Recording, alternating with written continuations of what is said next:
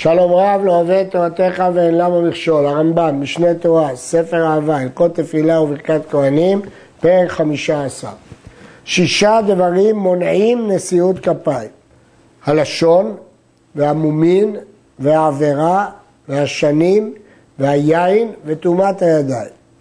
הרמב"ם עכשיו מפרט אחד אחד.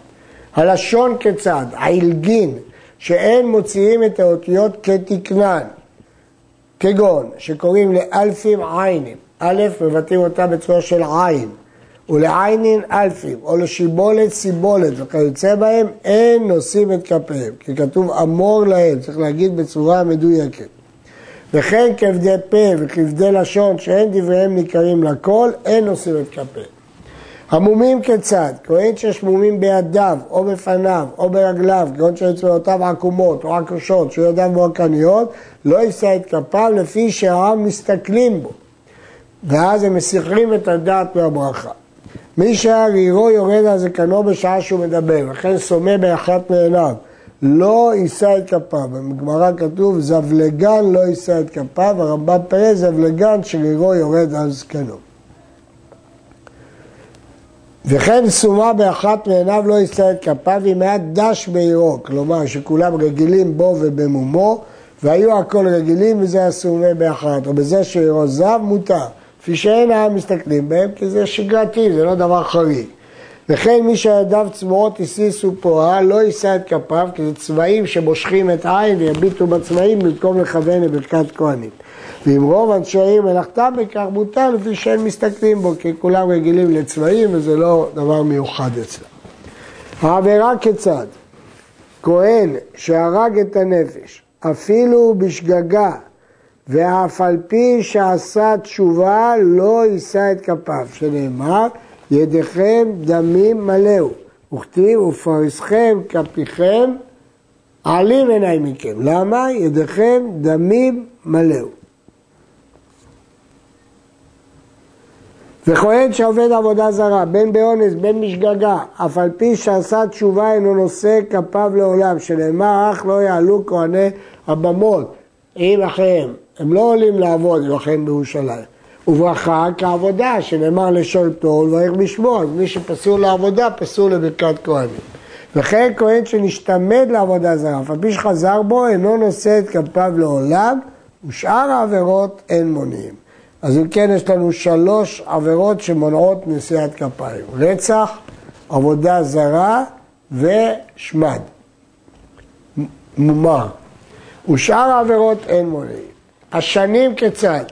כהן נער לא יישא את כפיו עד שיתמלא זקנו. הכוונה כשהוא יחיד, כשהוא מצטבר, מצטרף לכהנים אחרים, רבים מקלים בזה.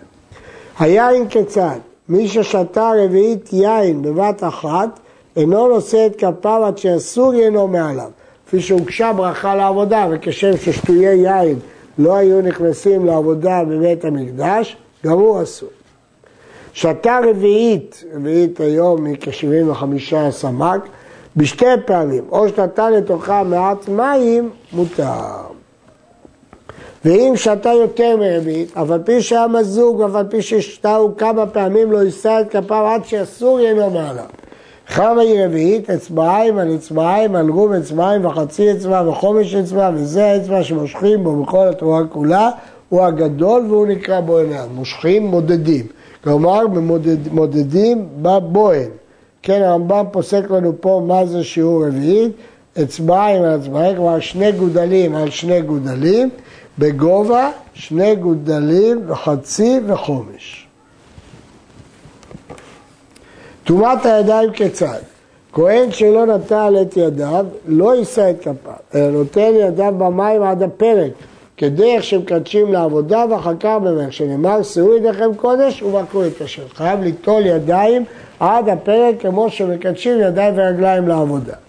וחלל אינו נושא את כפיו לפי שאינו בחיונו. אם הוא חלל, למשל כהן שנושא גרושה, בן חלל, אז החלל הזה נפסל לברכת כהנים.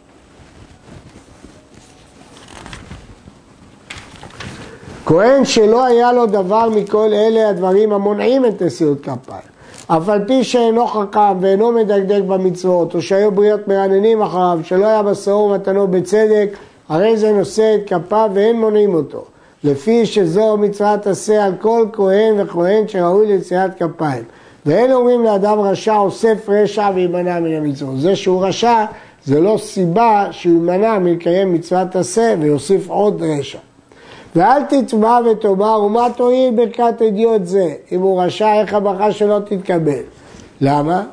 שאין קיבול התפילה תלוי, הברכה תלוי בכהנים.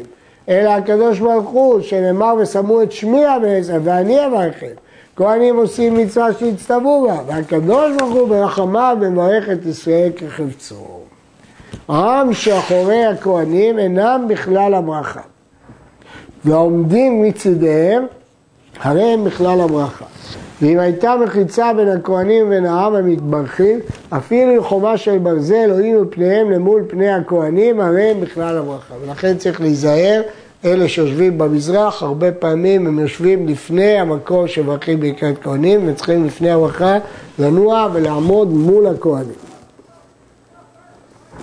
נשיאת כפיים בעשרה וכהנים מן המניין, כיוון שכתוב ושמו את שמי, השם המפורש, זה דברים שבקדושה שצריך עשרה. וכהנים מן המניין, גם הכהנים נחשבים מן המניין. כתוב במשנה, אין עושים את כפיהם בפחות מעשרה. בית הכנסת שכולו כהנים, כולם נושאים את כפיהם, ומי הם מברכים? לאחרים שבצפון, לאחרים שבדרום. ומי עונה אחריהם? אמן. הנשים והטף. ואם נשאר שם עשרה כהנים יותר על אלו שעלו לדוכן, העשרה עונים אמן והשאר מברכים. אם יש אפשרות להשאיר עשרה שלא יעלו, אז עדיף, אבל אם אין אפשרות כזאת, מברכים לעם שבשדה. ציבור שלא היה בהם כהן, אלא שליח ציבור לבדו, לא יישא את כפיו. חוששים שתתבלבל דעתו עליו. ואם הבטחתו היא שהוא נושא את כפיו וחוזר לתפילתו, רשאי. יש לזכור שאז לא היו סידורים, ולכן היו יכולים להתבלבל, ואמרו להם, פטרו אותם מברכת כהנים. ואם אין להם כהן כלל, כשיגיע שליח ציבור לשים שלום, אומר אלוהינו ואלוהי אבותינו, ברכנו ברכה משולשת בתורה אמורה לאהרון ולבניו, כהנים עם קדושיך כאמור, וברכה השם וישועיך, יאר השם, יישא השם ושמו את שמי, ואין ההמונים אמן, הוא מתחיל ואומר שיא שלום. זה נוסח כשאין בכלל כהנים בבית הכנסת.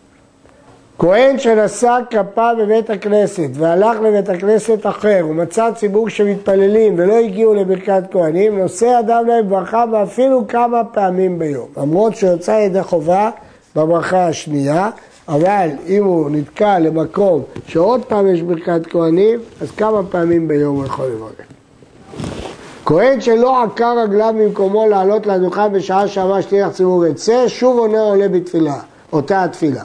אבל אם עקר רגליו לעלות, אף על פי שלא הגיע לדוכן, אחר העבודה, הרי זה עולה ומברך. כל כהן שאינו עולה לדוכן, אף על פי שביטל מצוות עשה אחת של ברכת כהנים, הרי הוא כעובר על שלושה עשה. לפי הרמב"ם, אם זה אותו נושא, אין כמה, רק אחד. אבל זה חמור כאילו שלושה עשה. כה תברכו, אמור להם ושמו את שמי. וכל כהן שאינו מברך, אינו מתברך. כל כהן המברך, מתברך, שנאמר, ואמרך מברכך. עד כאן. סיימנו הלכות תפילה וברכת כהנים.